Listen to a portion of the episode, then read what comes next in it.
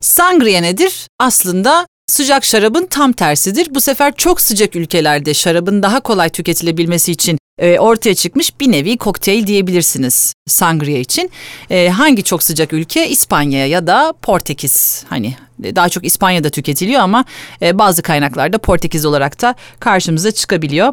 Basitçe bunu da söylemek gerekirse Kırmızı şarabın içine biraz beyaz şarap katıyorsunuz. Biraz bal ya da şeker, bazen rom ve benzeri yüksek alkollü ve aromatik içecekler. Portakal suyu, buz, limon, misket limonu gibi aromatik narenciyeler karıştırarak buz gibi soğutulmuş bir punch kabının içine koyarak kepçeyle servis ederek illa bunun için şarap kadehi olmasına gerek yok. Normal cam, e, fincan ve kupalarda da tüketilebiliyor. Yazın sıcak günlerinde tüketilebilir. Eğer bunu yapmaya üşeniyorsanız piyasada hazır satılan sangria karışımları da mevcut.